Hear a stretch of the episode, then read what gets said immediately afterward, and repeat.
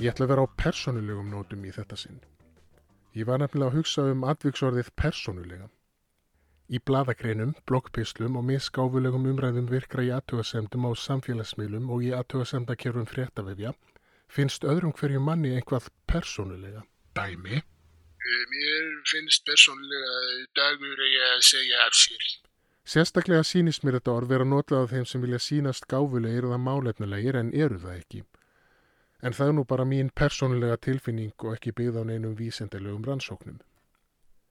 Mér finnst persónulega að orðið persónulega sé ofnotað í íslensku og þá sérstaklega í rítmáli á internetinu.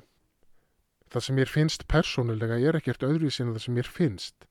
Persónuleg reynsla mín er alveg svo sama og reynsla mín og persónulega skoðanir mínar og persónulegt álit mitt er alveg sömu og skoðanir mínar og álit mitt.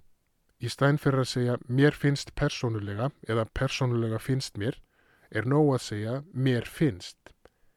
Því þegar mér segja frá sjálfum sér, hvort sem það eru skoðanir, lífsreynsla eða eitthvað annað, þá fælst það í orðunum að þetta eru persónulegar skoðanir, lífsreynsla eða venjur hvers og eins og því er óþarfi að taka það sérstaklega fram.